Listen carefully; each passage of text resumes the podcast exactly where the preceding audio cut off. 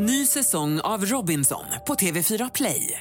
Hetta, storm, hunger. Det har hela tiden varit en kamp. Nu är det blod och tårar. Fan händer just nu. Det. är Detta är inte okej. Robinson 2024, nu fucking kör vi! Streama söndag på TV4 Play. Du lyssnar på en podcast från Expressen. Fler poddar hittar du på expressen.se podcast och på iTunes. Homofobisk hetskampanj eller modig kamp mot myndigheternas maktmissbruk. Det här är Expressen Dokument om nya uppgifter i Dan Korns bok om Keine-affären av Arne Lapidus, uppläst av mig, David Levin. Åsikterna är ännu delade om den kontroversiella rättsrötan i Sverige på 1950-talet. Nu kommer författaren Dan Korn med en ny bok om Keine-affären, den största av den tidens rättsskandaler. Han har fått hjälp av kungen för att hitta viktigt källmaterial.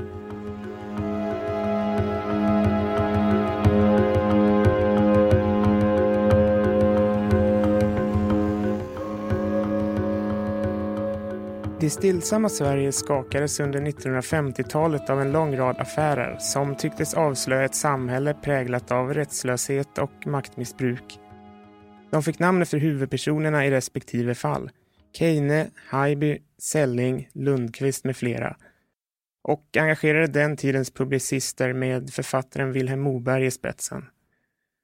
Det handlade om att myndigheter och höga tjänstemän påstods konspirera för att knäcka misshagliga personer den lilla syndikalistiska tidningen Arbetaren ledde vad som utvecklades till ett stort mediedrev långt innan det ordet var uppfunnet. Vilhelm Moberg och andra aktivister hyllades länge för att de ruskat om överhetssamhället och avslöjat vad som fick namnet Rättsrötan. Men under senare decennier har kampanjen fördömts som en hysterisk hetsjakt på gaypersoner eftersom tidningarna skrev om homosexuella ligor och om homosexuella konspirationer med högt uppsatta ämbetsmän inblandade.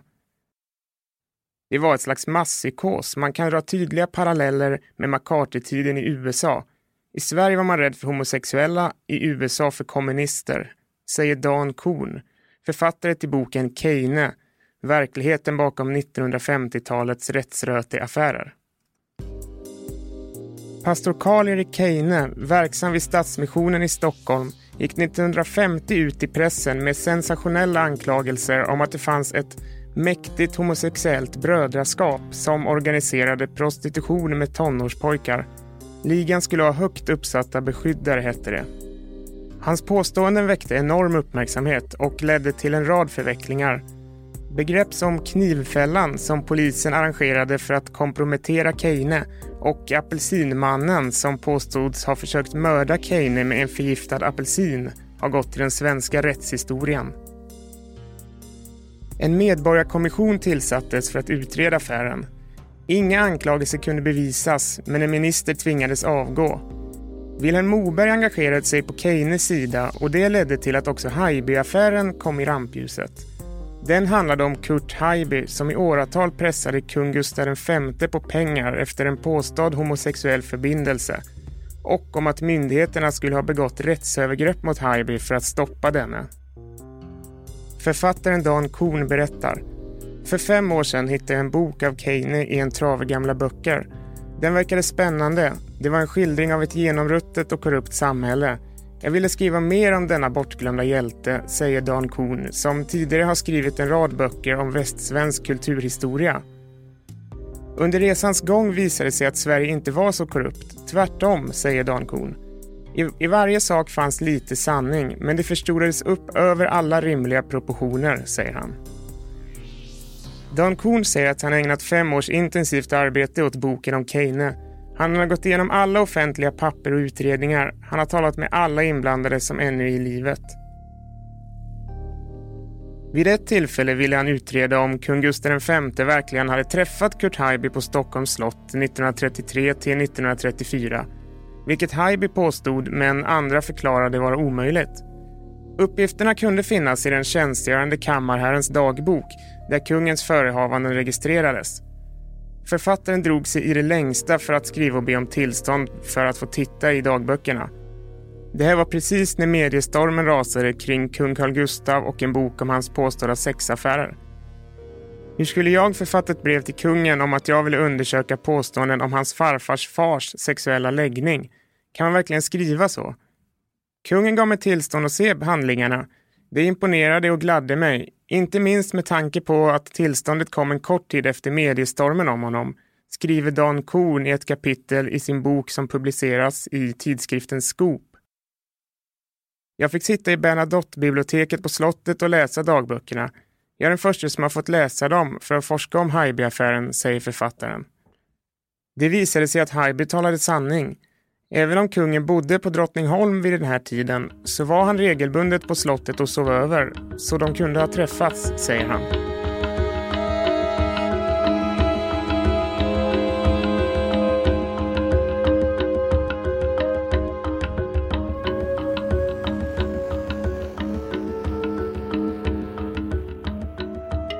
Vilhelm Mobergs hjältegloria har hamnat lite på sned under senare år när många hävdat att hans engagemang under rättsrötaffärerna präglades av homofobi.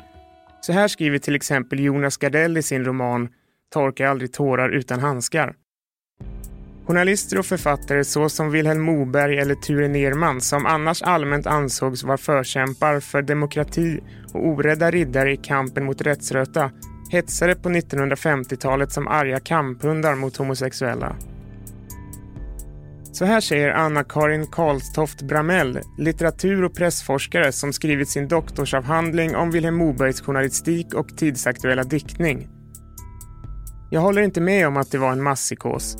Det är förenklat att reducera det till en hetsjakt på homosexuella.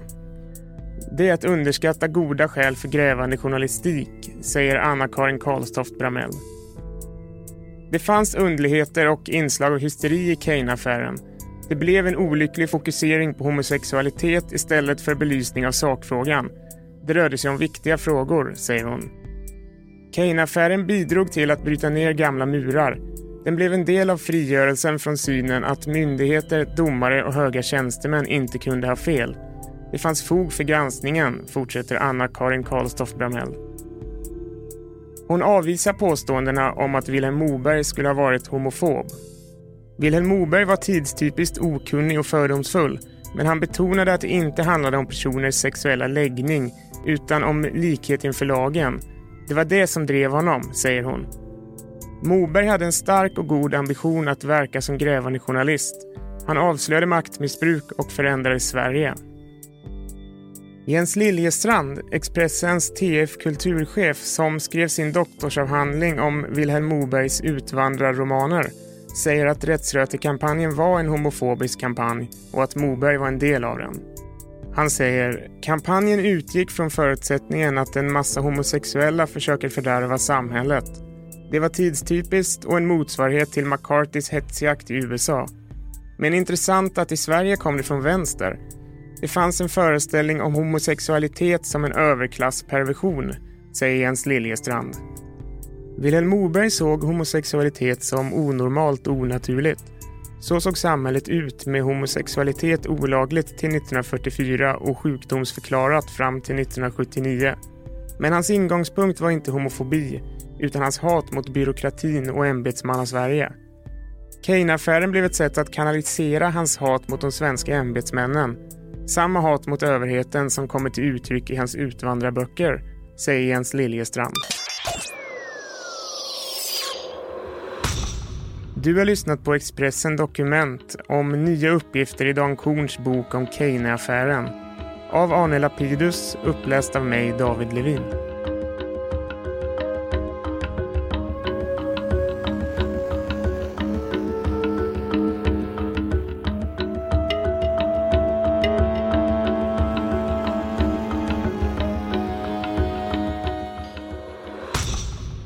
Du har lyssnat på en podcast från Expressen. Ansvarig utgivare är Thomas Mattsson. Fler poddar finns på Expressen.se och på iTunes. Ny säsong av Robinson på TV4 Play. Hetta, storm, hunger. Det har hela tiden varit en kamp. Nu är det blod och tårar. Fan händer just det. Det. är Detta är inte okej. Robinson 2024, nu fucking kör vi! Streama söndag på TV4 Play.